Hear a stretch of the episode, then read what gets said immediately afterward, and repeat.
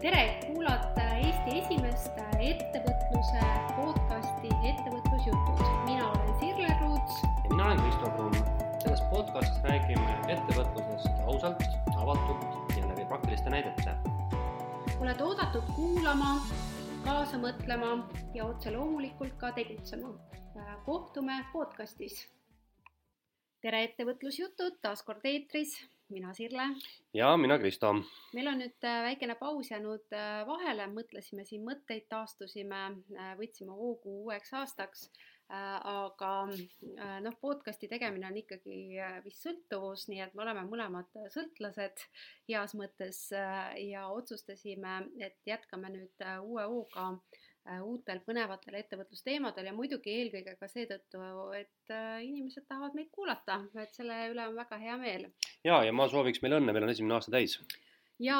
oli vist äh, veebruaris? ja, teine no, veebruar no,, esimene aasta on täis äh, ilusti äh, ja oleme vastu pidanud äh, ja muidugi tänu kuulajatele. tead, muuseas ma just käisin ise ühe oma tuttava podcast'is rääkimas ja tema ütles, et Äh, väga tihti siuksed äh, noh, suur hulk podcast'e elab kaks-kolm saadet. me oleme siis ikkagi juba täitsa tublid, eks, et, äh, et me oleme aasta juba vastu pidanud ja ja meil vist ei ole küll mõtet olnud kunagi seda, et lõpetada, aga lihtsalt kuna meil ei ole ka sellist, keegi maks-, palka ei maksa selle eest, eks ole, siis me teeme vastavalt siis oma plaanile, on ju niimoodi jah, äh, ja eks äh, teinekord tuleb ka natukene võtta mõtlemiseks ja taastumiseks aega ja, ja seega hea meel on siin tagasi olla ja rääkida ettevõtlusteemadel taaskord siis siin eetris mm. -hmm aga kuidas siis vahepeal meil äh, läinud on, et kindlasti meie püsikuulajatel on huvitav ka teada, et alusta sina, Kristo. no ei ole vahepeal õnneks, aga võib-olla kahjuks midagi põrutavat selles mõttes juhtunud, et ähm,, et ma peaks midagi siin eetris teatama, midagi šokeerivat, aga ma arvan, et, et ma kordan oma mõtted, et käib selline tüüpiline niisugune elu, kus sa natuke midagi muudad. üks asi, millest millest ma midagi olen muutnud, me räägime täna sellest see on ka mingi muutus. Ja siis, äh, mis veel? Ah,, ma tegin oma aastaaruande ära, siin eetriväliselt mainisin, et ma tegin äh, nii-öelda oma enda pisikese tilukese ettevõtte siis rekordaasta kõikide oma ajaloo peale kokku, sest mu ettevõte on loodud kaks tuhat, ei vabandust, tuhat üheksasada üheksakümmend viis. nii et noh, mul on varsti võib isegi juba kolmekümmet aastat täis seda, nii et et on, aga, aga juba kurdan ka, et ilmselt see aasta ei pruugi nii hea aasta tulla, sest et nii nagu me noh, vaata ettevõttes ikka mingid tooted müüvad, mingid tooted ei müü. ka mina olen otsustanud oma nii-öelda profiili muuta ja siis teatud koolitused, mida ma olen siiamaani teinud ajast aega, on ennast nagu ammendanud. seetõttu kukub sealt midagi ära. aga enamasti siiski tuleb midagi asemele ka ja ma olen praegu noh, ma olen seda varem ka eetris öelnud, et minu elu käib niimoodi poole aasta kaupa, et minu äh, pool aastat äh, on tavaliselt koolitus aasta kuskil seal mai lõpuni, et mul on selleks ajaks noh, nagu ütleme enam-vähem nagu teada, mis ma pean tegema, aga, aga alati midagi kukub ära, midagi tuleb asemele, nii et noh, seetõttu eks näis. nii et ütleme, et aasta on alanud niimoodi töiselt, ilma suuremate muutusteta, aga ee, noh, ka siin vaata, et eetrivälist rääkisime, et hea oleks vahepeal puhata, et kavatsen siis selle nii-öelda koolituspoolest ära teha ja siis vaatame, äkki puhkame ja sina Äh, no minul on aasta alanud äh, huvitavalt äh,, nagu ma ka enne podcast'i ütlesin, et ma hakkasin kirjutama siis iseendale või oma koolitusettevõttele äriplaani äh,. ja nüüd äh, on see edukalt äh, valmis äh,.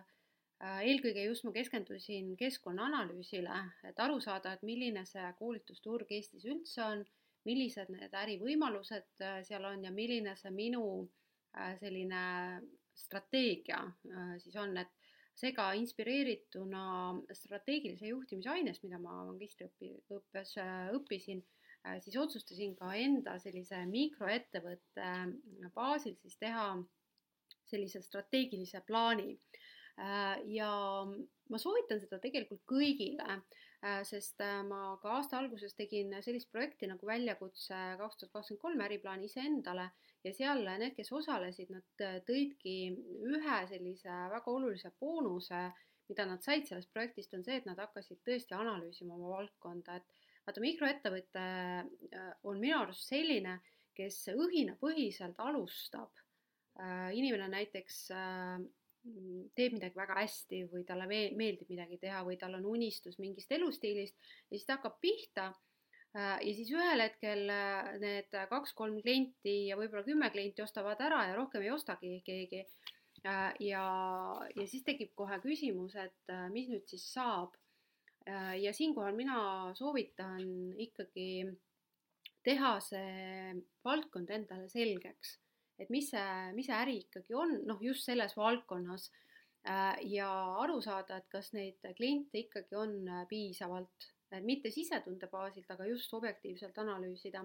ja mina siis koolitusvaldkonna kohta noh, avastasin seda, et ähm, et see suund, kus kohas ma võib-olla praegu olen, et need koolitused on liiga üldised äh, seal on väga palju selliseid tasuta asendustooteid, kui me räägime ettevõtluse valdkonnast.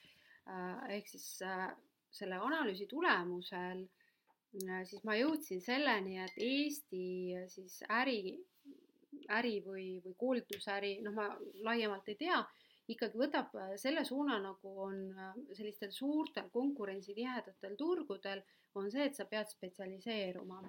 ja noh, näiteks ka trendid, koolitusturu trendid näitavad seda, et on teatud valdkonnad, mis on fookuses ja, ja noh, lihtsam on ikkagi ettevõtjana mm, noh, liuelda mööda trendi, mitte siis äh, kuidagi üksinda kõrbes seda veetilka otsida. kas sa leidsid endale jaoks siis mingi trendi või suuna?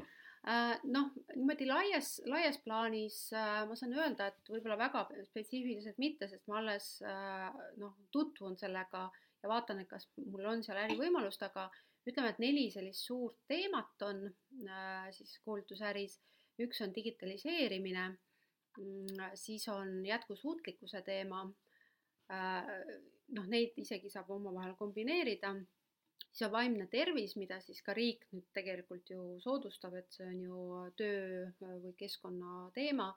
ja siis on kõik, mis puudutab ümberõpet, inimeste ümberõpet, noh, seda ka saab tegelikult. no seal peaks äh, olema vist hästi selge, et mis asi see mhm, ümber õpetatakse. ja, ja, ja. Mm -hmm. ja siis, äh, siis ma kuulasin ka mm, mingeid saateid, kus kohas Eesti koolitusettevõtted on äh, siis oma kogemust jaganud Äh, ja ka toodi seda välja, et äh, sellist üldist äh, informatsiooni andvad koolitused on ka ajalugu, et et pigem ikkagi see koolitus peab minema sellisele konkreetsele situatsiooni või probleemi noh, analüüsi või mitte analüüsi, aga lahenduse põhisele. et noh, et, et sa annad nagu inimesele, tal on probleem, sa tunned oma klienti, mis tema see probleem on ja sa annad siis talle läbi selle koolituse lahenduse mm. -hmm jah, hästi praktiline, eks sa oled nagu, annad nii õnge kui kala piltlikult öeldes. jah, jah, jah, just.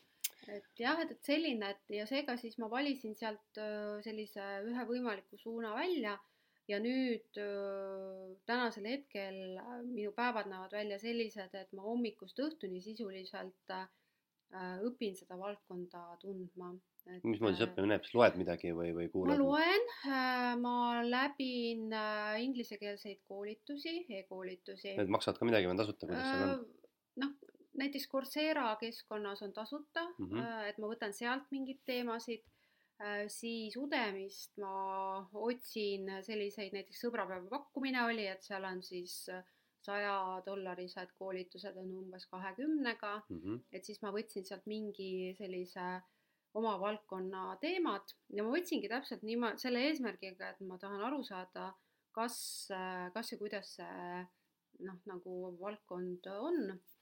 ja, ja siis ma ei välista ka seda, et ma lähen võib-olla sellest veelgi detailsemaks, et aga, aga noh, eks näeb, et, et mingil kujul kindlasti ma koolitama jään aga, aga jah, et, et äh, sellisel kujul muidugi. no siis ma võin öelda ka, et ikkagi ka samamoodi mingisugune muutuste protsess on sul, et see päris niimoodi ei ole, et, et nüüd ratsutad sama, sama asjaga edasi mm.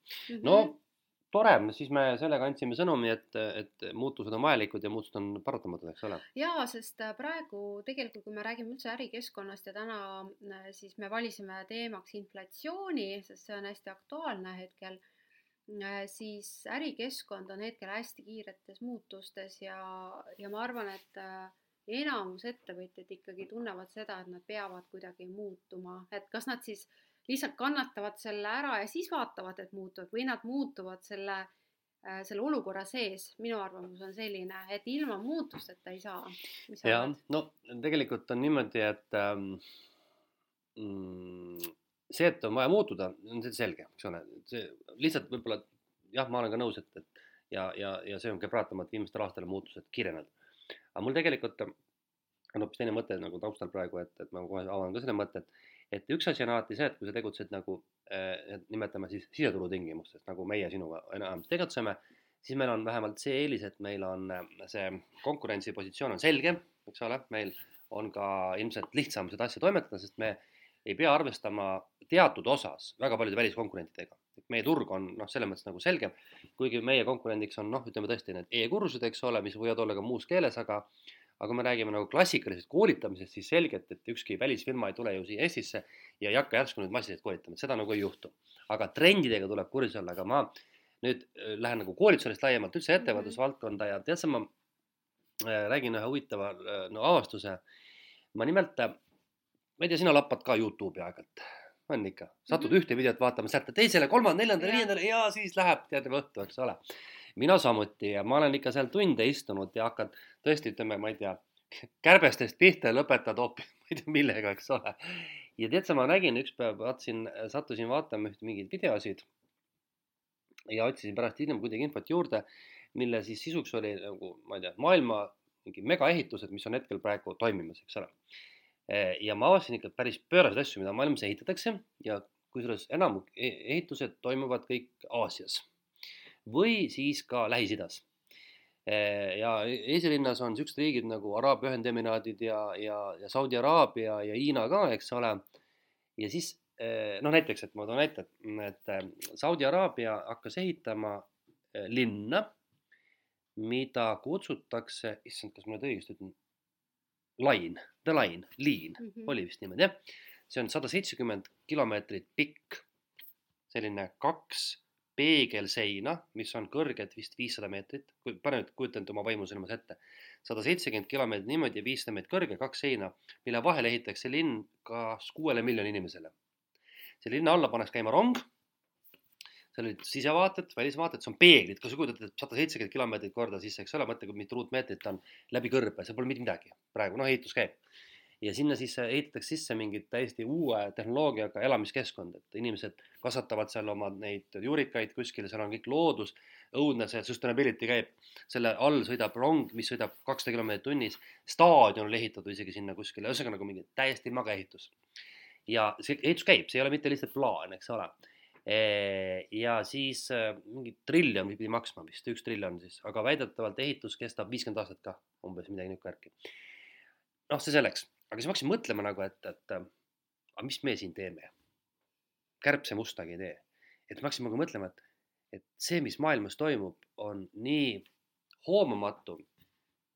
ja kui me nüüd võtame selle hoomamatu natukese, taandame maisemaks ehk ärikeskkonnaks, ma arvan, et on olemas tuhanded ettevõtjad, kes, kes teevad sellist asja, mida me ei hoomagi. et kui sa nüüd oled nagu välisturul, sa tahad nagu maailmas konkurentsi läbi lüüa, siis see on, see on nagu see on nagu ütleme, noh, ma ütleks niimoodi, et kui inimene on harjunud rääkima emakeeles ja talle, ta peab järsku hakkama hiina keeles rääkima, et tal võtab väga raske, ta ei saagi üldse aru, mis toimub, siis vot see on ettevõtluses ka.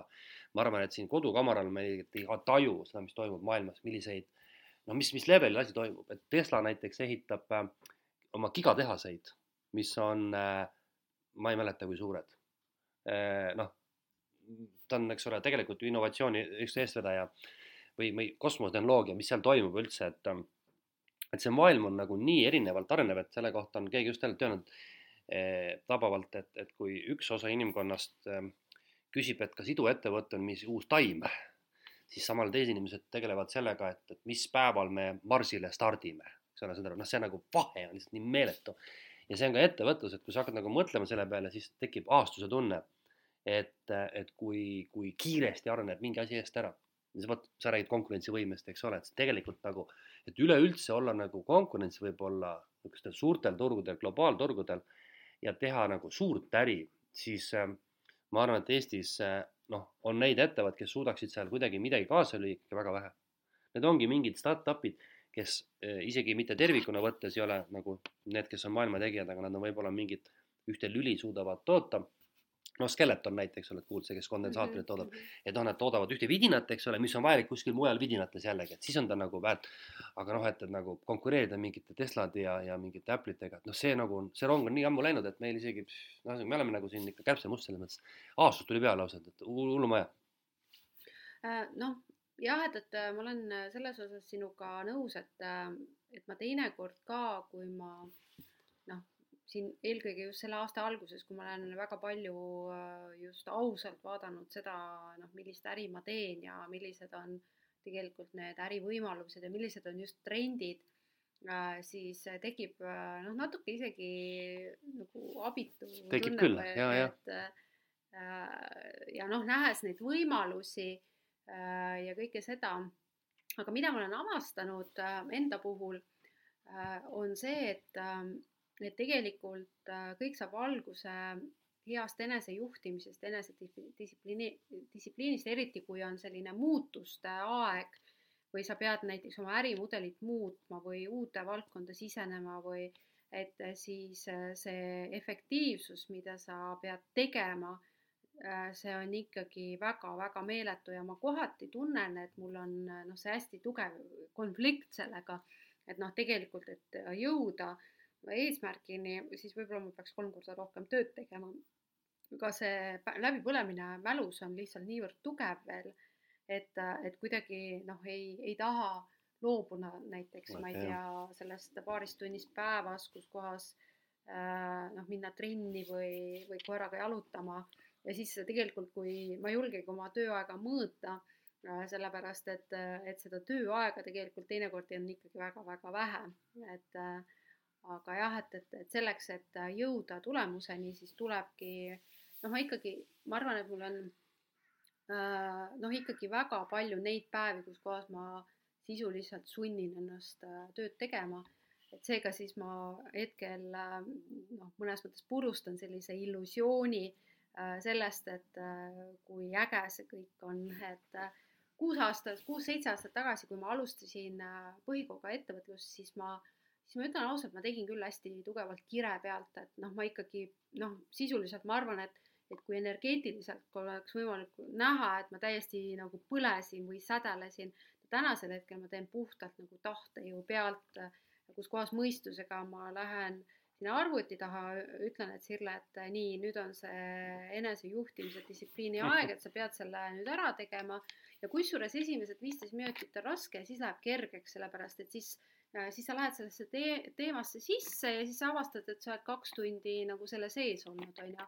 ja eks ta nii ongi, see on ka trenni minek vaata, kui raske on mhm. toast välja minna, pärast on nii äge, kui sa oled juba kohal ja eriti äge on, kui sa oled lõpetanud, eks ole. jaa, aga jõuame siis muutuste juurde ka. jah, tänase mm -hmm. teema juurde, et me tahtsime äh, rääkida inflatsioonist ja võib-olla see natuke tundub selline noh, võõras teema, kuigi ma arvan, et tänapäeval või tänasel hetkel, mis äh, hetkes me siin tegutseme, see ei ole uus asi, et võib-olla sellisel heal ajal, kus kohas inflatsioonist väga ei räägitud peale Statistikaameti pressiteadet, et siis äh, võib-olla oli küll küsimus, et mis asi see inflatsioon on.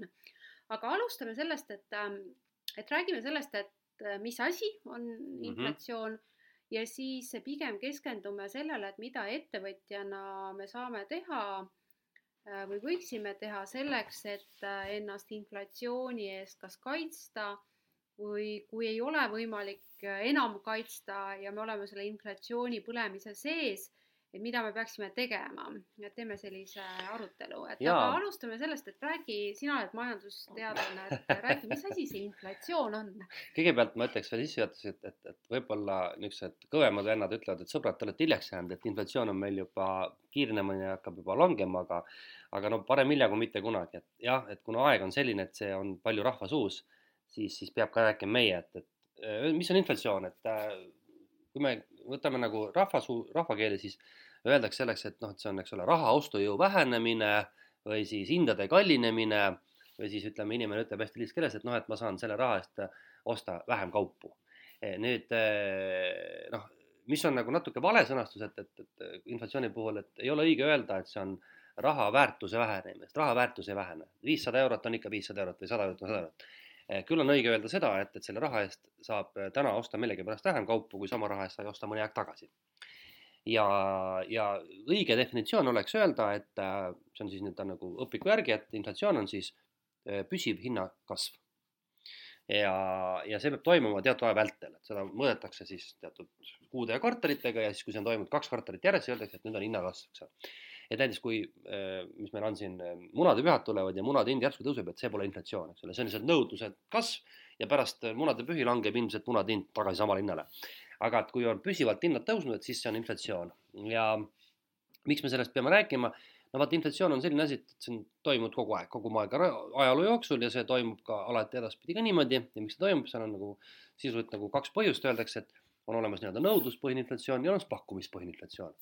Nõudluspõhine inflatsioon on see, et me sinuga näiteks oletame, et saime kogemata kombel jube rikkaks ja nüüd me lähme, hakkame raha laristama, eks ole hakkame ostma midagi ja siis hakkab mängima, tuleb mängu see majanduse niisugune reegel, et kui nõudlus kasvab, siis hakkavad hinnad alati tõusma. et noh, siis on see, et, et kuule, et kui inimesed on nõus maksma, siis miks ma peaks odavalt müüma, ma parem müün kallimalt, et rohkem teenida ja kui ikka inimesed on nõus ostma, siis ma ikka tõstan hinda. nii kaua, kui ühel hetkel hakkab valus juba, eks ole.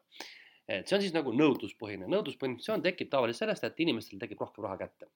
see võib tulla palgatõusuga, see võib tulla laenudega, see võib tulla ükskõik kuidas moodi. riigil võib tulla rohkem raha, ettevõtetel kõigil rohkem raha, nõudlus kasvab, siis noh, nagu öeldakse, et kui nüüd riik annab meile raha rohkem juurde, siis tegelikult toidab sellega inflatsiooni. nüüd teine põhjus on pakkumispoolne, pakkumispoolne on see, et ettevõtja on sunnitud tõstma tooraine hinda või oma toote hinda millegipärast. ja siis ongi, nagu ma juba mainisin, seal on siis tooraine ja tööjõud, noh, eks kulud sees. ja siis nagu ka kuluvad ka maksud.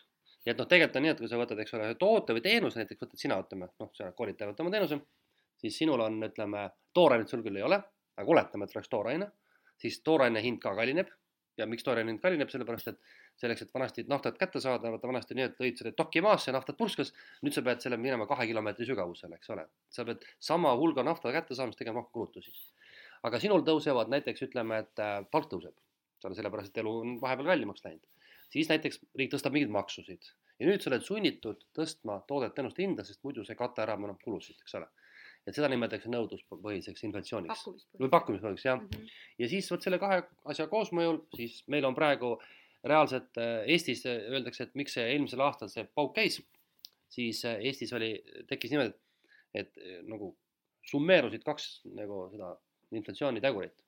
et kõigepealt oli juba enne seda olemas päris hea nõudluspõhine inflatsioon, sellepärast et inimestel oli noh, riik andis meile raha, vaata siin koroona ajal, eks ole, siis saadi, saadi need pensionifondid kätte palgatõus oli päris hea, majandus kasvas. ja nüüd sellele andis veel oma sulaka ära see energiahindade kasv ja see summeerus kokku. ja seepärast alati öeldakse, et mikspärast Eestis on inflatsioon kõrgem kui mujal riikides, siis eh, mujal riikides ei olnud seda nõudluspõhist osa nii tugevalt sees. seal ei olnud majanduses nii suured kasvud. Et jäi ainult see energiahindade pool, aga meil summeerus ühtlasi ka see palgasurve, sest meil on olnud viimastel aastatel kõva palgasurve ja, ja see juba ise tootis seda inflatsiooni ülesse nii et vot, see on siis niisugune üldine ülevaade inflatsioonist, jah mm. -hmm.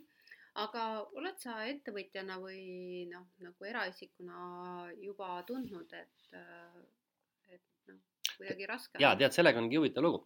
Et äh, ma mäletan seda päeva mingil hetkel, kus ma poes teadlikult mingi kauba hinda vaatasin, mõtlesin, kuramus, oot-oot-oot, siin mingi number on valesti.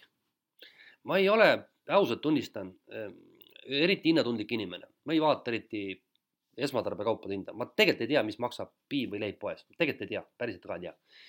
ma, ma ootan nagu mingit noh, tunde või välimuse või, või kogemuse pealt, eks ole, aga, aga mingite asjade puhul hakkavad nagu silma jääma ja siis eriti noh, sellised asjad, mis maksavad juba rohkem kui null koma mm, -hmm. eks ole. et siis hakkab nagu silma jääma ja siis ma mäletan küll, et, et siis hakkas nagu tekkima see tunnetus, et pagan, et see, need toiduained on kallid, aga mina olen, minu jaoks on eluaeg olnud äh, isiklikus tarbimises elekter kõige suurem kulu. millegipärast on niimoodi. et see on mingi megakulu ja siin läheb nii jõudsalt pappi kogu aeg. ja vot see on see, kus ma näen, et noh, et, et nagu noh, need numbrid on lihtsalt kolossaalsed, kui palju ma maksan elektri peale ära. Et noh, seal on see hinnatõus nagu kõige märk-, märkim, sest vaata, on mingeid asju, mida ma saan õudselt reguleerida. noh, kas ma ostan uued püksid või ma ei osta uusi pükse, see on nagu nii lihtne. aga seda kuramus elektrit ei saa ju välja lülitada, eks ole, mul ei ole võimalik seal jalgrattaga seal ajada ja uhada, eks ole. nii et, et, et, et ma, ma, ma teen niimoodi, et et ma olen näinud, et igal perel on omad inflatsiooni äh, need indikaatorid. enamasti on toit või siis esmatarbekaubad, siis nagu ma ütlesin näiteks, et noh, elekter, autokütus ja noh, siis veel midagi. Noh, mõne jaoks võib näiteks reisimine et kuule, mul tuleb lennupilet nii kalliks läinud, see on tema indikaator, sest muult pealt ostab, hoiab kokku, eks ole. et jah, aga, aga ettevõtjana mm, on nüüd niisugune lugu, et, et ettevõtjana minu esimene eh, nagu näide, kus mul inflatsioonitunnetus tekib, kuna mul tegelikult tooraint ka ei ole nagu sul, vaata meil on selle võrra lihtsam, eks ole, meil on ainult ju kulud, mis me teeme ja neidki tegelikult on ju vähe, oleme ausad, eks ole, et siukest, et ühemehe firmade nagu meil on, on suhteliselt lihtne ja Zoom ei ole vahepeal hinda tõstnud minu teada, eks ole ju, aga, aga see on palk. ehk siis eh, kasvõi see, et, et kui riik tõstab miinimumpalka või muutuvad mingid maksuvärgid, siis see on see koht, kus ma näen seda küplemist mm. -hmm. jah, sest äh, noh, mina niimoodi jah, et mul ka ei ole väga suuri kulusid ja ja kuna ma siin mässan oma selle ärimudeliga, äh, siis äh, ma tegelikult äh, tegin niimoodi, et ma vaatasin sellel aastal noh, ka tulenevalt ka sellest hinnatõusust, vaatasin üle tegelikult oma kulud, et ma panin mingid asjad, panin kinni, mis, mis siis võib-olla ei teeninud oma eesmärki või siis mingid teenused pausile, mida ma ei kasutanud ehk siis äh, noh, seda nimetatakse tegelikult ettevõtluses käibelõksuks, et äh, kui on head ajad, et siis sa kulutad tegelikult äh, rohkem, kui sa peaksid. sul tekivad mugavuskulutused siis, jah, just, just, just. ja, ja ma jah, selle aasta alguses päris palju tegelesin selle käibelõksuga, ehk siis ma vähendasin neid kulusid, mis mu ettevõte nagu müügitulu või kasumit ei teeninud ja võib-olla ka tänu sellele, et ma äriplaani koostamise käigus ka hakkasin tegema sellist hästi põhjalikku eelarvet oma ettevõttele, et mul on selline aasta, aastane ja kuude lõikes eelarve, et kuhu ma panen siis oma prognoosid, kulud ja siis selle käigus ma tegelikult vaatasin, hindasin hästi läbi, et, et kas on või ei ole. noh, kuludena ma vaatasin, et turunduskulud on tõusnud, on ju Äh, näiteks ma ei tea, emaili turundusprogramm järsku oli, ma ei tea, neljakümne viie pealt kuuekümne seitsme peale tõusnud, on ju. ja noh, seal ma vaatasin, kas mul, kas ma kasutan seda efektiivselt või mitte. Äh, siis, ähm, siis näiteks äh, ma kasutan pildipanka täpselt samamoodi, kuskil vist kümme eurot oli et turunduskulud ma olen näinud, et okay,, et on jah. päris palju tõusnud mm -hmm. ettevõtluses aga eraisikuna mina olen teinud viimased kaks aastat, peaaegu kaks aastat nüüd, ma teen igakuist äh, nagu kulude-tulude analüüsi on ju äh,. ja, ja mis on äh,, mis on, ma ei ole tundnud nagu seda, seda sellist väga kõrget hinnatõusu hetkel, mul oli elu kallim, kui ma vahepeal üürikorteris elasin, et siis äh, noh, tänu sellele, et ma ostsin äh, endale korteri, et siis minu kulud kohe alanesid aga, aga ma sain šoki, kui ma ühel korral läksin, tahtsin mingeid riideid osta või, et mõtlesin, et äh, tänu kutsikale ma ei olnud pikka aega saanud kodust välja ja siis mõtlesin, et noh, et läheks siis vaataks, on ju, mis toimub. ja siis ma pidin küll kukkuma pikali, et noh, need äh, sarnased tarbimisharjumused, kus kohas ma võib-olla varem käisin, siis ma vaatasin, et seal oli küll duubeldatud nagu hindadega, on ju. ja siis mul noh, võttis ikkagi kukalt kratsima, et no,, et jah aga tulles tagasi ettevõtluse juurde, et siis ähm, noh, et ettevõtjana ma mäletan, et siis, kui ma kirjutasin veel äriplaane, siis ma klientidele ütlesin, et noh, et, et äh, tavaliselt oli ju äriplaanides niimoodi, ma ei tea, kas sina oled ka kogenud, et inimesed tegid kolmeks aastaks plaani ja siis nad äh, ei tõstnud oma hinda või kulusid äh, selle kolme aasta vältel. no mina juba eos teadsin, et ma ütlesin neile ette juba seda, et pead seda tegema, aga no, ega nad ei teeks seda vabatahtlikult, noh ise just, oma teadmise pealt ei teeks ja ikka, ikka ja. ja siis, ja siis ma mäletan, et ähm, kui oli see stabiilne selline hinnatõus nagu nõudluspõhine äh, oli või siis pakkumispõhine oli see, et viis kuni viis protsenti aastas, siis ma ütlesin, et noh, et, et muidu on noh, kolm-neli oli äh, see inflatsioon, et noh, pane viis, et panin mm -hmm. natuke varuga onju ja siis inimesed noh, mõtlesid, et oota, mis asi see inflatsioon on, et, et tegelikult sellist hinnatõusu äh, on pidanud kogu aeg äh, tõstma, aga mäletan seda, et, et, äh, et siis ma ka soovitasin klientidele, et, et jah, et keskmine hinnatõus on viis, noh, ütleme kuni viis protsenti, aga vaata seda, et millised on sinu kõige suuremad kulud äh, ja nende kasv ja, ja tegelikult sellest tulenevalt sa pead oma hindasid korrigeerima.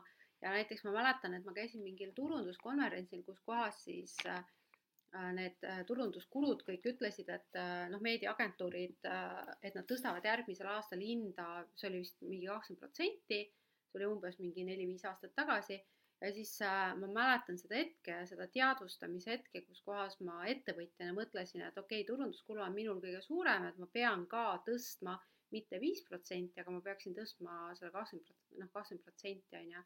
Et seega noh, me jõuame siit esimese selle soovituseni, et äh, mida siis teha äh, inflatsiooni ajal. Noh, mõnes mõttes üks ongi, et sa oled äh, ise sunnitud tegelikult hinda hakkama tõstma, on ju.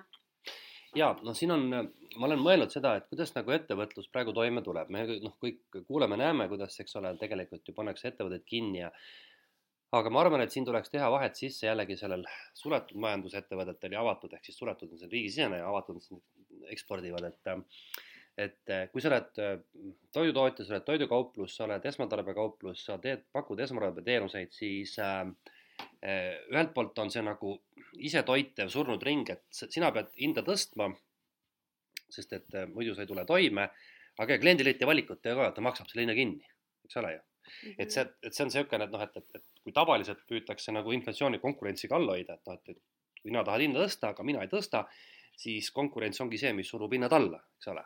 aga praegu tundub, et, et, et riigisisestel äridel seda võimalust ei ole, sest lihtsalt äh, nad ise ei tule toime ja kliendil pole valikut ka nüüd äh, hädas on need rahvusvahelised ettevõtted, kes peavad eksportima või kes ekspordivad, siis nende puhul on see, et nende konkurentsivõime halveneb, kui nemad tõstavad hinda, aga kvaliteet ei kasva, aga samal ajal muud maailma konkurendid jätavad hinna samaks, sest meil on need ja need ja kolmandad asjad on kallinenud, äh, siis, äh, siis see, nendel on küll raske, sest vaata, tegelikult on ju niimoodi, et et mida see inflatsioon teeb. Mm, kui sa võtad näiteks ütleme, et, sa toodad midagi, siis sa toodad midagi, näiteks võtame eksport, eksportiv ettevõte, siis sa lood oma ärimudeli ju hästi paljuski hinnastamise kontekstis sellele kulule, mille sa oled arvestanud, eks ole, see on palk, toorem, ta-ta-ta. ehk siis ütleme nii, et kvaliteet võrdub hind või siis ärimudel võrdub mingi toode, mis vastab mingile hinnakategooriale. ja sa orienteerud välisturule. nüüd eh, loogika on ikkagi alati selles, et kui sa tõstad hinda, siis pead pak-, suutma pakkuda paremat kvaliteeti, sest ta tegelikult sa lähed ju konkurentsi teiste ettevõtetega. ja nüüd probleem on selles, et kui see hinnatõus on nii määratu, nagu ta meil on praegu, siis äh, sa ei suuda kohandada oma ärimudelit järgmisele hinnatasandile. ja vot see on see kõige suurem probleem. just nimelt see, et sa oled ehitanud oma toote-teenuse selle hinnastamise mudeli alusel. ehk siis, kui sa toodad, võtame selle vee näite, Saaremaa vett siis Saaremaa vesi oma hinnaklassis konkureerib teiste samaste veedega kuskil mujal. kui sa tahad nüüd hakata järsku Saaremaa vett müüma Vossi vee hinnaga, mis on, eks ole, viis korda kõrgem, siis sul ei ole lootustki, sellepärast et see toode on hoopis teises hinnakategoorias, hoopis teistele klientidele ja ta igatpidi näeb teistsugune välja. nüüd peaksid sina muutma ärimudelit, tõusmaks selle Vossi või mingi muu tootega ühele tasandile. ja see ongi keerukas, et ma arvan isegi, et, et just nimelt, et Eestis ettevõtted täna, ei juhtu midagi siin. väga paljuski ei juhtugi mm. -hmm. et aga noh, see muidugi eeldus on selles, et sa kas siis A suudad äh, sama hinnaga müües noh, võtad lihtsalt vähem kasumit või siis tõstad hinda, eks ole mm. -hmm sest äh, siis, kui ma tegin seda äriplaani väljakutset ähm, klientidega, et siis seal oli ka kesksel kohal oli see, et mis su ärimudel on, noh, ärimudel on tegelikult käibemudel, et kuskohast sul raha tuleb, on ju. ja Mm, ja tegelikult päris, päris suur probleem ikkagi, vähemalt minu, minu kogemus näitab, et kui ma siis äh, neid äh, probleeme nägin, millega kliendid tulid sellesse väljakutsesse, on tegelikult ikkagi see, et seda raha liikumist ei osata noh, luua äh, või planeerida või strateegiliselt juhtida äh, ja, ja seetõttu võib-olla on ka need äh, meie mikroettevõtted või väikeettevõtted on on väga raskustes, sellepärast et nad peavad muutma midagi, mida nad ei tea, mida noh, mis, mis süsteemi neil ei ole, on ju. Et nad peavad looma nagu uue ärimudeli ärimudeli peale, mis tegelikult praegu on võib-olla kanajalgadel või? seda küll, jah, see on üks asi kindlasti jaa. aga nüüd me võtame veel edasi, tegelikult üks asi, üks probleem tekib veel, et kui me räägime nagu noh, ikka see innovatsiooni väljakutsest, et et, et, et, et kui ma räägin, miks see, mis see kahjulik on, eks siis noh, ütleme, et tavainimene ikka alati mõtleb niimoodi, et noh, asi on kallim, eks ole, et asi on kallim iseenesest, aga läheme sinna sisusse, siis mõtleme, mis see kaasa toob, siis noh, näiteks eh, kui sa nüüd mõtled näiteks ütleme tarbija seisukohast, oletame, et meil tarbijaks on eraisik, kes ostab mida iganes, vahet pole mida.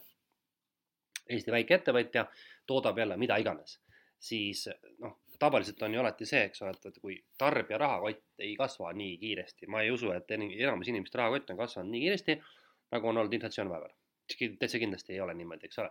see on isegi muuseas ülemaailmne uuring tehti selle kohta, kus ma nägin, et oli see e-, Euroopa või üle maailma, ei mäleta, alles hiljuti, kus ikkagi leiti, et jutt keskmise palga tõusust on väga niisugune eh, ütleme siis ikkagi väga statistiline, enamus inimesi ei ole seda näinud, seda palgatõusu. Ja Eestis samamoodi. Ja nüüd on niisugune lugu, et jälle nüüd nõudluse pakkumise reegel ütleb seda, et kui hind tõuseb, aga rahakott ei suurene, siis hakkad seda kaupa vähem ostma, eks ole, ja nüüd mõtlen sedapidi, et veel kord, et kui sul rahakott ei kasva ja sa müüd leiba, no siis inimene nutab, aga ostab selle leiva ära, eks ole, sul on, ostab bensiini, tal on bensiini vaja, ta ostab bensiini, aga sa müüd käsitööseepe näiteks, siis on selge, et ma ju loobun sellest, on ju, sellepärast et kui mul on sama hulk raha, mis tuleb ära jagada äh, nüüd äh, tegelikult ju vähem hulga kaupade peale, mida ma saan endale lubada, siis ma kõigepealt elimineerin need asjad, mida mul vaja ei ole. Ja nüüd ongi see, et raskustesse satuvad just need ettevõtjad, kelle ärimudel on sellise noh, ütleme see toode, mida nad müüvad, nad ei suuda seda väärtust pakkuda, eks nad ei suuda leida seda väärtuspakkumist mm. -hmm. et noh, selles segmendis, kus nad tänasel hetkel on, on ju, et nad peaksid siis äh, kas siis looma sellele segmendile sellise sobiva toote, mis äh, mida nad osta-, mida, mida nad peavad ostma või siis tegelikult minema teise segmenti, kus kohas ei ole see hinnatundlikkus niivõrd suur. sest et noh, võta sama seebitootja, praegu see meie sõnum on üsna totakas muidugi talle, eks ole, selle peale hakkaks üks tüüp üheks nuiaga pähe ja ütleks, et aa, et su seepi ei müüda, no aga tee midagi muud nendele klientidele, nagu siis nalja teed, ega ta ei hakka kartuleid kasvatama, eks ole, kui ta on seebitootja olnud. et selles mõttes ongi valik, et kas ta püüab sellele olemasolevale segmendile midagi muud toota või ta peab leidma sellele seebile uue turu Mm -hmm. ja see ei ole ju lihtne, eks ole, sest veel kord, sa oled ehitanud oma ärimudeli ülesse selle seebile ja nendele klientidele mm. -hmm. nüüd sulle öeldakse, et aga, aga Eestis enam keegi ei osta, et, et, et tuleb uudis, et Aasias oleks väga hea praegu müüa. no kus, kus, kus sihuke inimene läheb Aasiasse seepi müüma praegu, eks ole, toome näite mm. -hmm. see ei ole lihtne ja see ongi see inflatsiooni nagu, vaata see, kui see inflatsioon on sihuke tasahilju, siukene nagu öeldakse, sihuke kaks pool, kolm protsenti aastas, see on niisugune mõõdukas, mille puhul öeldakse, et hinnad tõusevad mõõdukalt, aga mitte nii palju, et, tekiks probleeme, vaata. -hmm. et sellisel juhul käib palgatõus vaikselt ka kaasas, siis tegelikult selline stabiilne aeg meeldib kõikidele. -hmm. sest siis on nagu sujub, tiksub edasi. vaata siin vahepeal, kui sa nüüd võtad, me oleme näinud nüüd seda majandust tegelikult täpselt nüüd tsükliliselt, et kaks, kaheksa, mis oli siis kaks tuhat kuus, seitse, kaheksa, üheksa, mis seal oli, eks ole, no kuus ei olnud, ütleme seit-, kaheksa, üheksa, kümme oli see mingi kriis kukkus põhja, siis hakkas tõusma, vahepeal äh, kõige parem näide sellest, et kus, kus kriis on ületatud, on see, kui inimesed hakkavad igast rämpsu ostma. vot siis on, siis läheb, siis läheb hästi majandusel. kui meie sinuga koolitustele tulevad sellised seebitootjad, andku palun seebitootjad andeks, aga tegelikult see on hästi palju, neid on liiga palju, oleme nõus, eks ole ju. ja siis on niimoodi, et vot kui sihukest asja ostetakse hästi, siis järelikult majandus läheb hästi. nüüd on see puhh, jälle järgmine kriis on, noh, mõni ütleb, et seitse aastat, tegelikult läkski natuke rohkem, eks ole, noh, üle kümne aasta läks ikka aega nüüd kukkus kõik jälle uuesti või noh, ütleme, et kas ta nüüd, no ta on ikka nagu kriis, eks ole ju, ütleme nii, et. ja siis nüüd vot siis nüüd on jälle needsamad niisugused mittevajalike toodete müüjad on hädas, sest et inimestel ei ole raha ja nad ei hakka kulutama asju selle peale ja nüüd on siis siin sinu nüüd küsimus ettevõtjana. kui raha on vähe ja nii palju vähem ikkagi, et, et sinu toode ei ole esmatarvilik, mis sa siis teed nüüd mm? -hmm. ega lihtne ei olegi no ei ole lihtne jah, et ma mõtlen nagu ennast, sest äh, et näiteks, et mida, mida mina siis noh, ettevõtjana teen, on ju, noh, alguses tegelikult tuleb psühholoogiliselt kuidagi nagu toime tulla sellega, sellepärast et, et võib-olla tulebki ka tunnistada seda, et see äri ongi läbi. jah, see on kõige halvem, mida, või kõige hullem tunnistus. sa vaatad peeglisse, et läbi, kõik seo. ja sest, sest noh, ma hakkan mõtlema seda, et, et kui noh, analüüsides tegelikult hästi praegu seda enda noh, äri ka, et siis noh, ma olen ka teinud ikkagi oma äri hästi nagu sellise sisetunde puusalt noh, nagu tulistamisega, et sellepärast, et kasvavas ja stabiilses majanduses sisuliselt ma arvan, et et noh, vähegi natukenegi ettevõtlik inimene saab ettevõtjaks. jah, jah, pingutad natukene ja, ja, ja, lööd läbi, jah. sest kliente ja. on tegelikult, et aga juhul, kui siis on selline äh, keeruline aeg, et jällegi noh, praegu näiteks, kui ma analüüsin erinevaid neid ärisuundasid, siis ma olen vaadanud niimoodi, et ma mitte noh, mul on ju nägemus ka, et noh, oh, see toode või teenus võiks olla äge, on ju.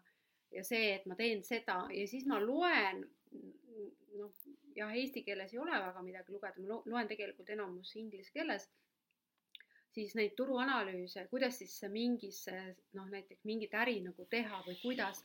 ja siis ma avastan, et tegelikult see minu eeldus, kuidas mina seda teeksin, on täiesti teistsugune, et, et ma tegelikult ei saa, saa seda niimoodi teha, on ju. Mhm, see ei tööta, jah, see ei töö mm, -hmm. see ei tööta ja noh, lihtsalt praegu ma vaatan natuke võib-olla Eestist väljapoole, et kuidas noh, et, et, et see ei oleks ainult nagu siseturu baasil, on ju ja siis ma vaatangi, et, et ma, et ma tegelikult pean tegema äri niimoodi, nagu on see turu, see traditsioon on ju, või kuidas see ärimudelina sellel turul toimib, on ju. ja, ja ma ei saa nagu teha lihtsalt niimoodi, et mina arvan mm. -hmm. ja väga palju ju tehakse tegelikult ju niimoodi, et ah, et, et ma arvan, et võiks niimoodi teha. enamus ärisid ma on, et kui, kui vanasti ma tihedamalt neid äriplaane ka koostama õpetasin siis ma alati küsin, et noh, mis te arvate, et kui palju siis reaalselt nagu neid nii-öelda äriplaane siis ka kirjutatakse, kui ei ole vaja raha taotleda ja noh, tegelikult tõsi on see, et ei, siis ei kirjutatagi mm. -hmm. et aga noh, see, see ei ole nagu probleem, kui sul on äh, hea kogemus või hea nina, vaata, eks mm -hmm. ole. Aga sest, et ega jällegi noh, saab tuua erinevaid näiteid, kus ka väga põhjalik turuanalüüs ei ole veel taganud edu mm -hmm. ettevõtluses. aga tulles tagasi nüüd selle inflatsiooni juurde, siis küsime siis hästi praktiliselt, et aga mis siis sina oled teinud või teeksid selles osas, kus ka sind hakkavad pitsitama kuul-, nii-öelda kõrged hinnad, et üks asi on see, et sa tõmbad kulusid koomale, aga kõigil ei ole võimalik. noh, mis veel on teha? Noh, jah, me oleme siin rääkinud, üks on, üks ongi see, et tegelikult on vaja tegevuskulusid nagu vähendada, mhm. on ju. kui on võimalik, eks. kui, on, kui on võimalik, on ju Äh, siis noh, teine, teine on see, et tulebki vaadata noh, isegi mitte hindade tõus, vaid tegelikult tuleks, äh, ma arvan, vaadata laiemalt hinnastrateegiaid. hinnakujundus. jah, hinnakujundus mm, -hmm. hinnastrateegiad on ju, et ähm, üks on see hinnakujundus, kuidas seda noh, hinda on kujundatud, aga teine on sellised hinnastrateegiad, ma mõtlen nagu turunduslikult on ju, et, et äh, et noh, vaadata, et kas ma seal olen nagu kõik teinud, et noh, siin ongi see, et kas ma peaksin näiteks kliendile siis midagi andma tasuta, siis midagi järgmise hinnaga, midagi kolmanda hinnaga, ehk siis äh, ehk siis võib-olla mõelda läbi sellised hinnastrateegiad on ju, selle äh, noh, see müügitunnel, et kuidas see klient äh, seal selles müügitunnelis liigub, on ju. et ma arvan, et seda väga paljud ei ole tegelikult analüüsinud, aga mida mina mm, tegelikult, mida mina oma ettevõttes olen teinud, kui mul on raskemad ajad, ega siis ainult praegu ei ole nagu selline keerulisem aeg, vaid ka noh, ettevõtlus on tsükliline, ega ma ei saa öelda, et selle viimase kuue-seitsme aasta jooksul, kui ma olen olnud täiskohaga ettevõtja, on olnud kogu aeg nagu tõus, on ju, on neid kuid, kus kohas on täiesti olnud nagu nulliseis. ja mida mina siis äh, olen teinud ja mida ma ka praegu rakendan, on see, et ma tegelikult otsin neid sissetulekuallikaid, see on ka mõnes mõttes see ärimudeli muutus mm, -hmm, aga, aga ka selles olemasolevas ärimudelis saab tegelikult äh, siis leida neid äh,, neid sissetulekuallikaid, on ju äh,. Ja, ja siinkohal ongi vaja lihtsalt noh, õppida jällegi oma klienti ja seda turgu tundma ja noh, ja lasta lahti mõnes mõttes ka enda sellistest arvamustest või eeldustest, et mina arvan niimoodi. Aga, aga ma jätkuvalt olen arvamusel selles, et, et isegi rasketel aegadel on turul äh, raha maas, vedeleb, et see tuleb lihtsalt ja, tegelikult üles leida, aga me peame nagu oma sellest mugavustsoonis lihtsalt välja minema.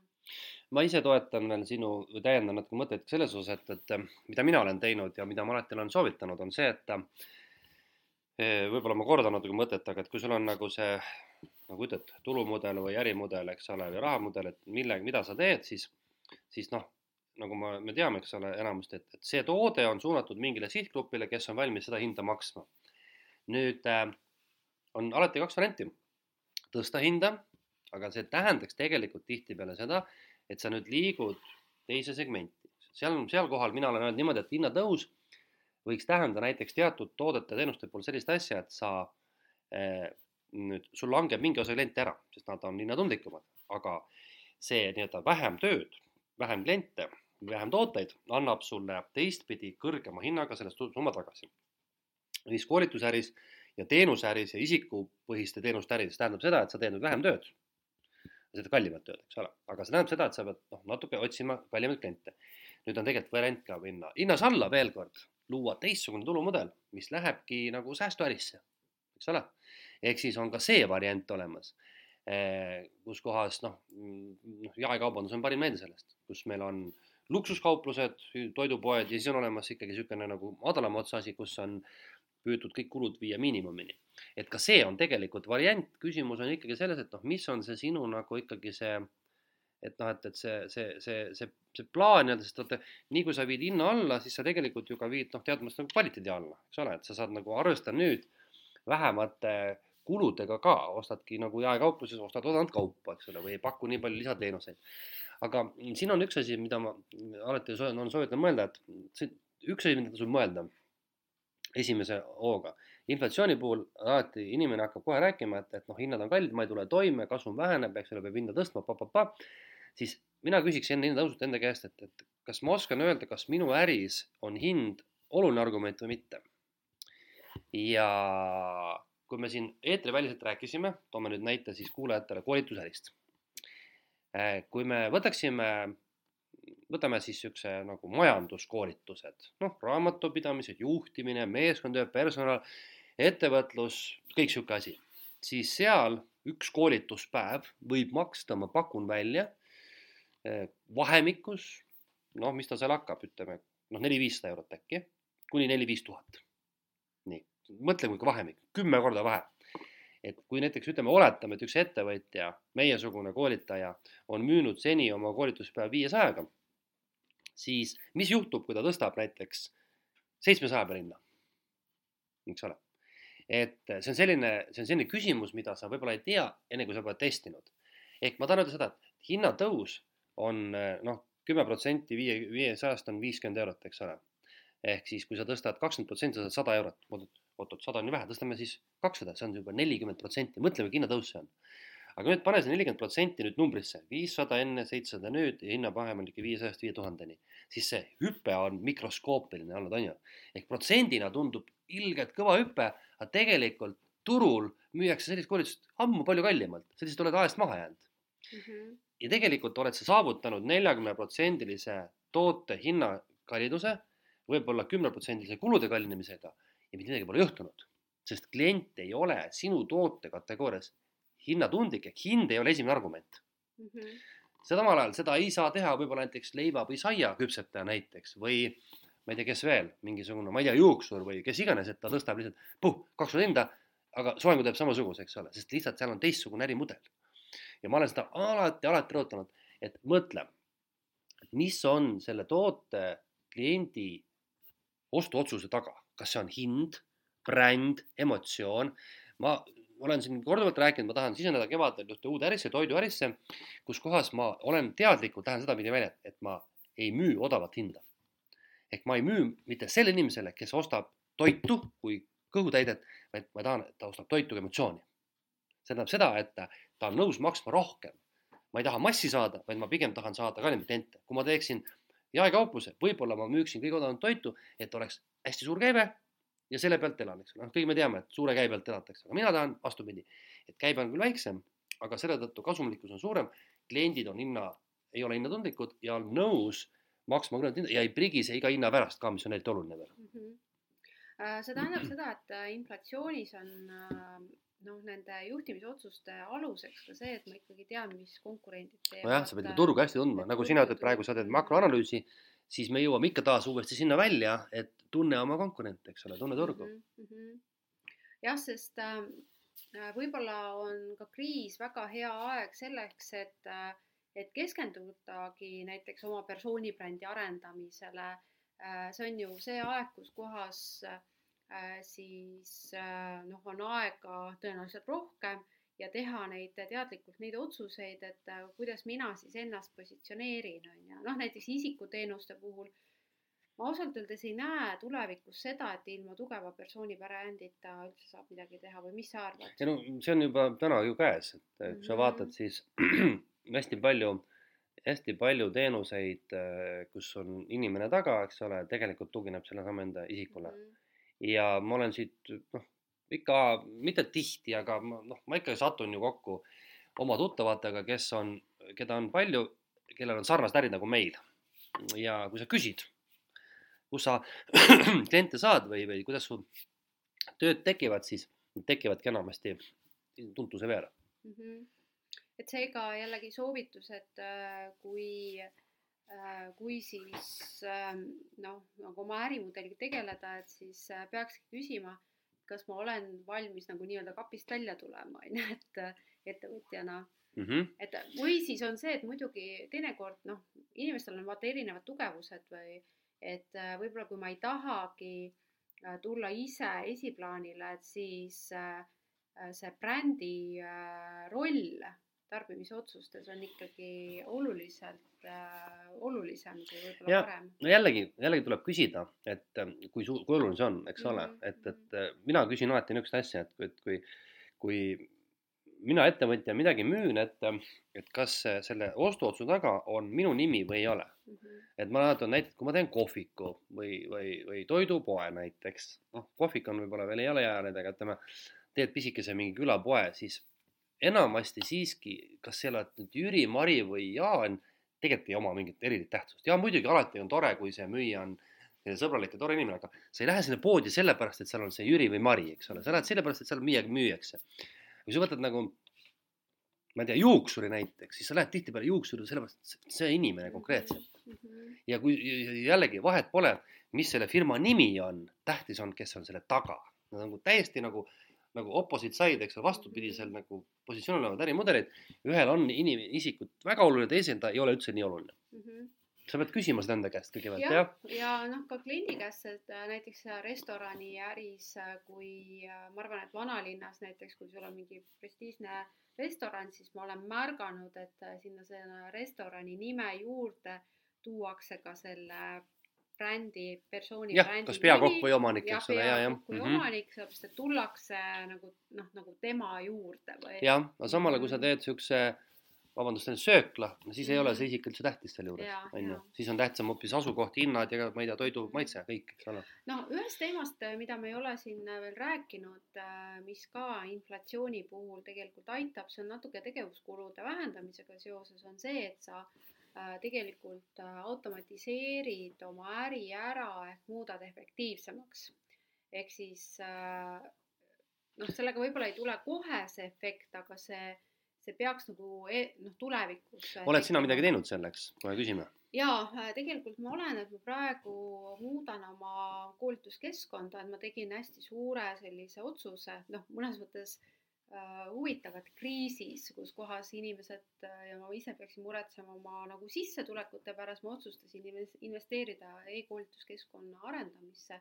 et siiani ma olen seda ise sisuliselt teinud või kaasasin ka toetust vahepeal, aga nüüd äh, siis hetkel mul arendatakse uut funktsionaalsust, mis siis tähendab seda, et kliendi teekond on sada protsenti automatiseeritud nii raamatute ostmisega kui ka e-koolitustega, see tähendab seda, et kui inimene näiteks tuleb kodulehele, siis ta saab kas või kell kolm öösel äh, alustada selle koolitusega äh, ja tal ei ole mitte mingit probleemi, on ju.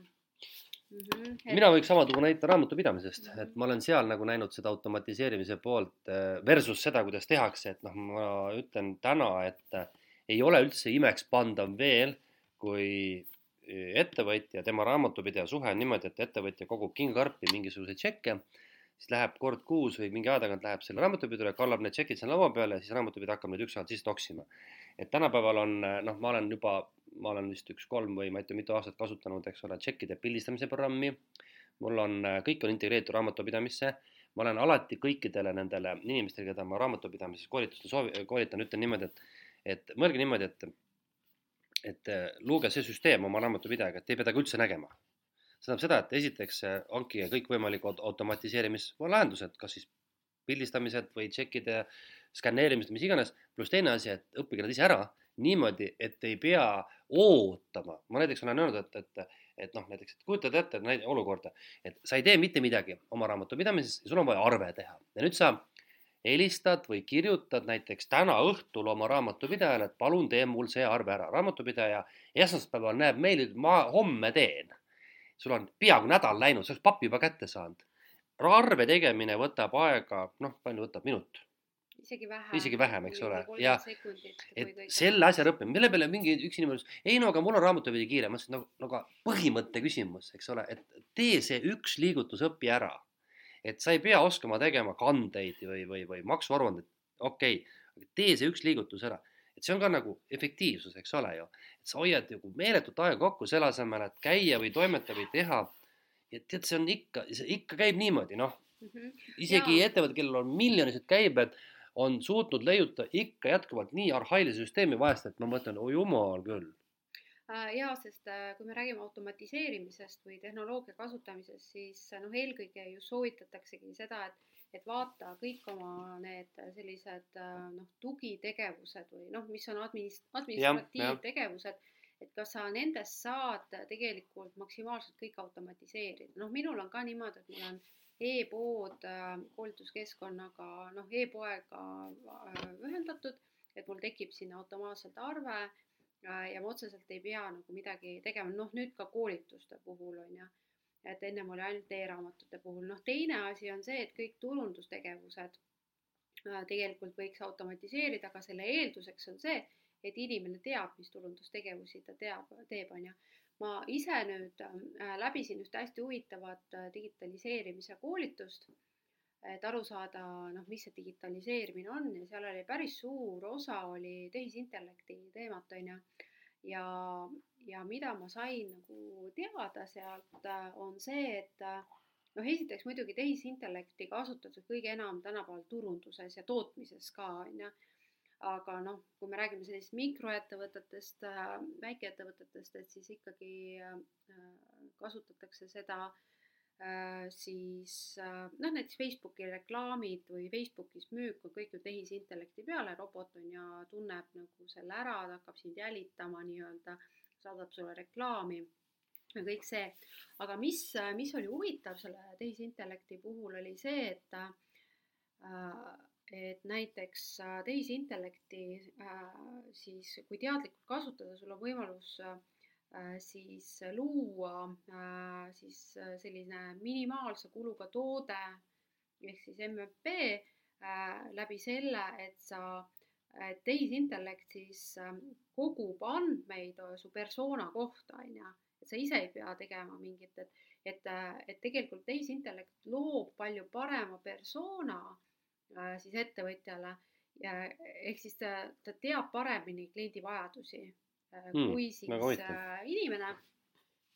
ja siis äh, tegelikult sinna integreerida näiteks turunduse teemad, noh, turunduse müügi äh, ja see müügitunnel võib olla hästi noh, tunduvalt tõhusam, kui inimene seda ise teeb, on ju. noh, see on muidugi natuke selline noh, võib-olla utoopia, noh, see oli hästi huvitav koolitus, sellepärast et seal räägiti ka üldse sellest, et kuidas, kuidas siis noh, see toote, teenuse arendus on ju koos selle digitaliseerimisega käib, et äh, ma ei tea, kõik see 5G valguskiirusel mm -hmm. otsused ja, ja, ja kvantarvutid ja asjad, et, et äh, ja ma arvan, et see on meie tulevik, äh, noh, tule, tulevik. jah, ma tegelikult tahtsin sinna jõuda, et, et äh, tuleb ühest asjast võib-olla aru saada, et kui me mõtleme nüüd, eks ole Äh, efektiivistamisest, me räägime, eks ole, sellest, et noh, et, et elukallidus, kulud ta-ta-ta ja tegelikult noh, praegu lihtsalt on see, et inflatsioon nagu tõukus sellest, see teema tõukus sellest, mis ümberringi toimub, aga noh, tegelikult peaks ju ettevõtja ei võiks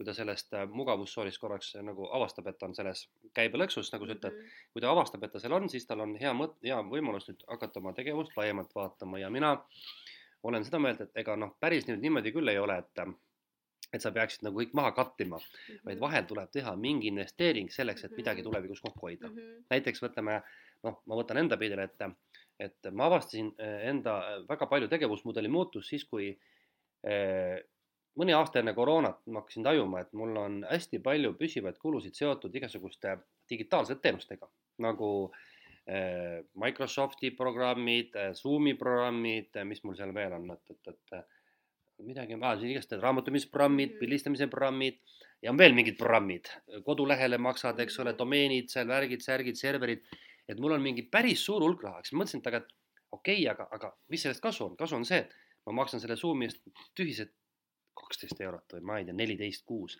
aga mul jääb ära sõitmine näiteks Põlva, Põlvasse ja Võrru, eks Mhm. ole, või vastupidi, et ma saan pakkuda kliendile, kes elab Põlvas ja Võrus, osaleda oma koolitusel või seminaril selleks, et ta hoiab kulusid kokku. et noh, see ei ole päris nii, et, et ma nüüd, vaata mulle, mulle nagu, ma ei tea, kas see on kogu eestlaste häda, aga, aga vahel mulle tundub, et see on meie häda, et meile õudselt meeldib nagu, et me peame alati kokku hoidma, vaata isegi meie valitsused on alati rääkinud, et me peame kokku hoidma. tegelikult äh, ei ole ju noh, nagu ühesõnaga mingil hetkel läheb see ju alla elukvaliteedi juba, eks ole, eks, et, et kui sa lõputult hakkad kokku hoidma, siis see tähendab seda, et sa ostad odavamat toitu ja, ja toitud kehvemalt ja ei liigu ja hoiad kokku kvaliteedi arvelt, eks ole, tegelikult peab ühel hetkel saama aru, kust see piir tuleb Mhm. ja ettevõtlus on sama et kui sul on nagu mingi tilu-lilu kulu, mõistad, siis on mõistlik see kulu ära võtta, aga kui sa teed mingi, võtad mingi kulu ära, mis vähendab sinu nagu tegevuskvaliteeti, siis see ei ole nagu mõttekas, nii et seesama automatiseerimine tegelikult tähendab ka seda, et sa pead tegelikult tegema teinekord mingi kulutuse, Mhm. et see automatiseerimine tööle hakkaks, aga see pikas perspektiivis hoiab sul midagi kokku. et mina tegelikult nii-öelda ratsionaliseerin päris ka sageli, mitu korda aastas ma avastan midagi, mida ma otsustan, et ma niimoodi küll enam ei tee. kuigi mul on nii tilukene ettevõtmine, et mul on väga raske seda, seda niimoodi teha, sest pole lihtsalt nii palju kokkuhoiukohti. aga kui ma toodaks midagi, kui ma oma toiduäri käima saan, siis seal ma kujutan ette, mul võib tekkida kümneid ja kümneid kohti, kus ma aja jooksul õpin, kuidas seda asja teha efektiivsemalt. Mhm. Mhm. aga need vajavad tihtipeale just nimelt seda, et ma pean tegema kõigepealt mingi investeeringu tarkvaralahendused või mingid, mingid uuemad tehnoloogiad selleks, et kokkuhoidu saavutada. suurettevõtja saab sellest aru, väikeettevõtjatel tihtipeale tuleb see teadmine raskemalt. Mhm. seega me jõuame jällegi ringiga tagasi sinna, et äh, kuna inflatsiooni teema on nagu väliskeskkonna teema, et siis tegelikult need vastused äh, selle noh, millised need lahendused võiksid olla, väga paljud tulevad ka ikkagi väliskeskkonnast, et ma tunnen seda oma No valdkonda, trende seda küll, jah, jah. äh, ja, ja kõik seda. see on õige. muidugi me peame vaatama sisemiselt ka, alati Mhm. saab vaadata sisemiselt, aga palju sellel väikeettevõtjal neid efektiivistamise kohti on? ega ei ole ju tegelikult palju. tal on, tal on niigi, kõik on kõhna, vaatad need kuluridasid, seal pole midagi kuskilt võtta, ju niimoodi enam, alla, enne, et, et noh, siis ei jäägi midagi järgi või noh, polegi kulusid õieti. Aga aga siin just on- see efektiivistamine ikkagi see, et sa, sa pead oma mudelit teistmoodi, jah. Jah, sest äh, siin on tegelikult see, et äh, kui ei ole võimalik kulusid kokku hoida, siis tuleb tulusid suurendada. no see on omaette lugu jaa, see on see, mida, mida ikka mulle meeldib ka öelda, et, ärge kartke nagu suuri kulusid, väikseid, kartke väikseid tulusid. Mhm. aga see nüüd on midagi sellist, mida veel meil ütleme noh, ütleme keskmine eestlane peab õppima. et nagu ma veel kord rõhutan, et meile meeldib õudselt kulusid kokku tõmmata, selle asemel mõelda, kuidas rohkem teenida. Mhm. ja ma olen alati mõelnud sellist asja, et see kõlab nagu ma, ma ei, ma ei taha kuidagi ei taha seda öelda ülbena, absoluutselt kuulajatele osas. Aga kui minu käest peaks tulema küsima praegu üks ajakirjanik, et noh, rääkige, lugupeetud kodanik, et mis teie olete siis teinud oma kodus selleks, et kulusid kokku hoida, et kuidas te olete nagu inflatsiooni tingimustes toime tulnud, siis mina vastan see, ma ei ole mitte midagi teinud, ma ei ole mingeid kulusid kokku hoidnud, ma lihtsalt püüan rohkem raha teenida ja nii ongi. ehk siis äh, noh, natukese nipet-näpet, aga, aga ma pigem lähen teist teed pidi. Mhm. see ei kõla üldse mitte ülbelt, vaid see on lihtsalt minu lähenemine asjale. Aga ma arvan, et äh, selle soovitusega ongi hea võtta see tänane jutuajamine kokku, sellepärast et, et jah, et, et äh, üks on see, et äh, on vaja muidugi kulusid äh, kokku hoida. üle vaadata, ütleme, nimetame jah, just jah. jah, pigem jah, üle vaadata, sellepärast et kui sa kokku hoiad, siis sa pead ju millegi arvelt kokku Mhm. hoidma, et, äh, et kas äh, kui kok- kokku hoiad, et kas siis ka tulud äh, vähenevad, on ju. Et see tähendab seda, et sa pead lihtsalt üle vaatama ja tegema selliseid kulusid, mis aitavad tulusid suurendada, on ju. sinu koolitustel käimine näide on hea näide praegu. sa praegu ju maksad selleks, et tulevikus rohkem teenida, on ju äh,. ja, ja et ma võtan seda kui Investeeringut. investeeringut, -hmm. et äh, jah, et, et, äh, et see on tegelikult selle teenuse disaini nagu esimene samm äh, ja võib-olla tõesti jah, et, et varasemalt ma olen pigem olnud rohkem niisugune tegutseja, et ma olen läbi tegevust õppinud äh, ämbrites äh, käies, on ju, aga, aga ausalt öeldes ma enam ei viitsi, et muidugi neid ämbreid võivad, äh, võib tulla, aga jah, et, et äh, magistriõpe selles mõttes rikkus mind ära, et, et ma kuidagi mõtlen rohkem strateegiliselt ikkagi et ennem oli rohkem ikkagi sellist emotsioonipõhist äh, tegutsemist mm -hmm. ja, ja seetõttu mul on äh, teinekord isegi raske teha klientidega mentorlust, äh, sellepärast et, et lihtsalt noh, ongi see, et, et noh, sa näed, et kui, kui habras see ettevõte on ja,